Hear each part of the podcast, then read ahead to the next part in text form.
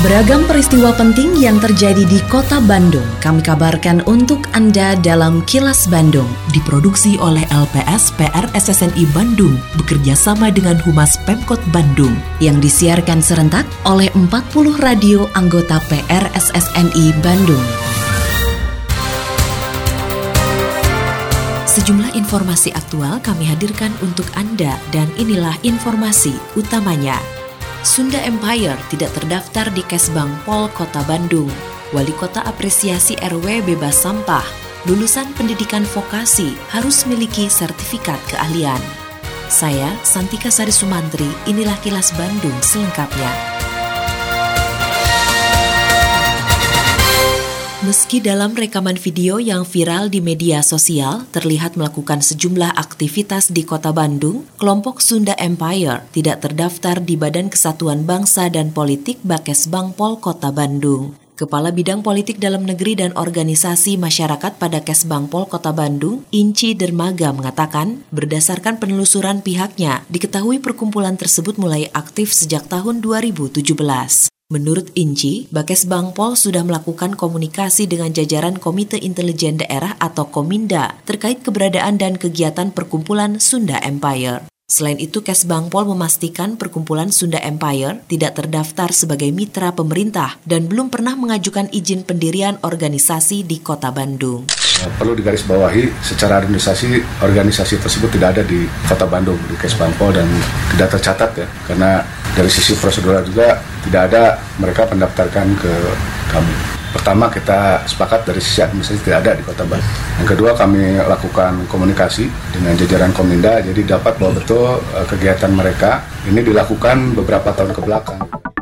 Wali Kota Bandung Oded Muhammad Daniel mengapresiasi kawasan bebas sampah di RW 05 Kelurahan Malabar, Kecamatan Lengkong, Kota Bandung. Apresiasi tersebut disampaikan Odet setelah mengunjungi RW 05 Kelurahan Malabar, Kecamatan Lengkong pada Selasa pagi tadi. Lokasi tersebut menjadi kawasan bebas sampah setelah warga berhasil mengolah sampah rumah tangga, sehingga nyaris kawasan tersebut tanpa sampah karena sampah rumah tangganya diolah sendiri. Ada yang menjadi kompos, pupuk, dan kerajinan tangan. Odet berharap semua RW di kota Bandung melakukan hal yang sama agar pembuangan sampah ke TPS jauh berkurang. Saya kunjungan dalam rangka kunjungan saya Mang Oded setiap satu minggu sepekan saya mengunjungi dua titik khusus mengunjungi masyarakat warga Mang Oded yang sedang bergerak melakukan Kang Pisman.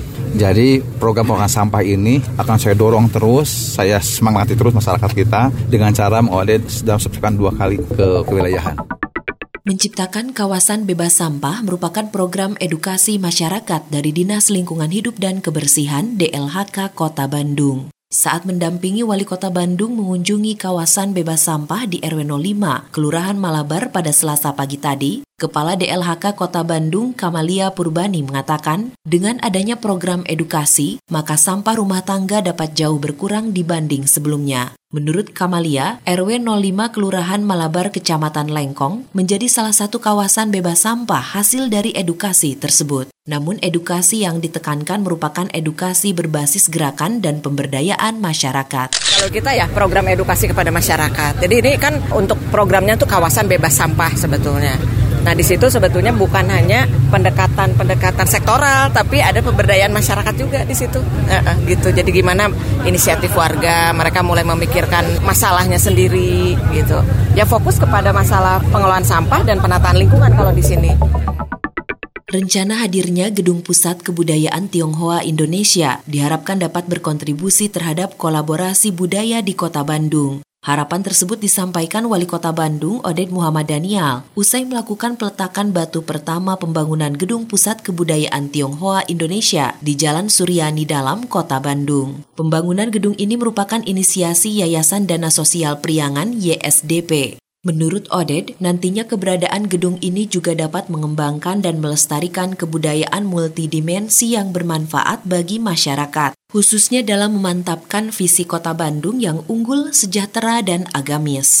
Bersama pemerintah Kota Bandung, kami berharap hadirnya gedung pusat budaya Tionghoa ini bisa menjadi sebuah gedung ya untuk pengembangan budaya sekalian. Karena Bandung ini merupakan rumah kita bersama, ya, lintas ras, lintas etnis sekalian. Oleh karena itu saya berharap tentu saja hadirnya gedung budaya Tionghoa ini juga bisa mampu mendukung visi misi kami Kota Bandung yaitu menghadirkan budaya Bandung yang unggul, nyaman, dan kami.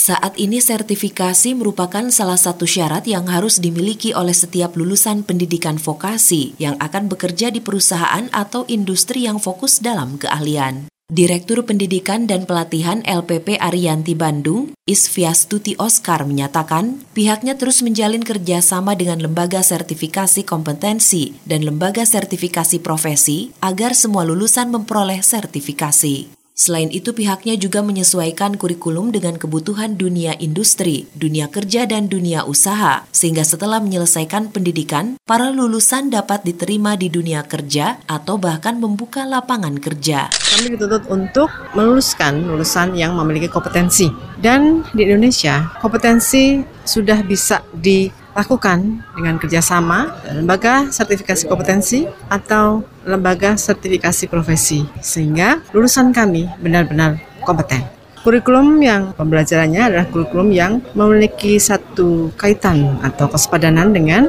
kebutuhan dunia industri, dunia kerja, dan juga dunia usaha. Karena lulusan Alianti dituntut untuk siap kerja atau berwirausaha. Kini, audio podcast siaran Kilas Bandung dan berbagai informasi menarik lainnya bisa Anda akses di laman kilasbandungnews.com.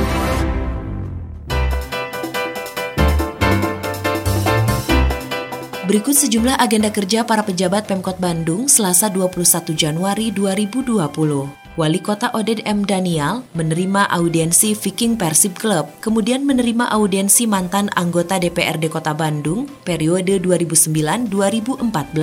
Sementara itu Wakil Wali Kota Yana Mulyana menerima tim Dinas Pemuda dan Olahraga Kota Bandung dan PT Grab Teknologi Indonesia. Agenda lainnya menerima audiensi warga RT 12 RW 09 Kelurahan Cijaura, Kecamatan Buah Batu mengenai pembangunan trase kereta cepat Jakarta-Bandung. Adapun Bandung menjawab di ruang media Balai Kota Bandung menghadirkan narasumber dari Dinas Lingkungan Hidup dan Kebersihan DLHK, PD Kebersihan, Bagian Kesra, Forum Kerukunan Umat Beragama, juga Badan Kesatuan Bangsa dan Politik, serta Kementerian Agama Kota Bandung. Selain agenda kerja para pejabat Pemkot Bandung, informasi dari Humas Kota Bandung, yaitu menjelang perayaan Imlek, pemerintah Kota Bandung menggelar silaturahmi dengan warga Tionghoa di Pendopo Kota Bandung pada Senin malam. Wali Kota Bandung Oded M. Daniel mengatakan, silaturahmi tersebut merupakan upaya pemerintah untuk menjadikan kota Bandung yang nyaman dan guyub bagi warganya tanpa membedakan satu sama lain.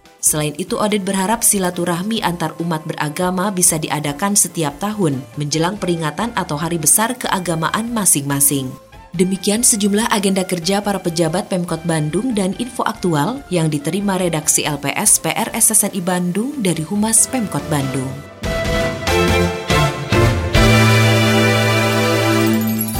Terima kasih Anda telah menyimak Kilas Bandung bekerja sama dengan Humas Pemerintah Kota Bandung yang diproduksi oleh LPS PR SSNI Bandung.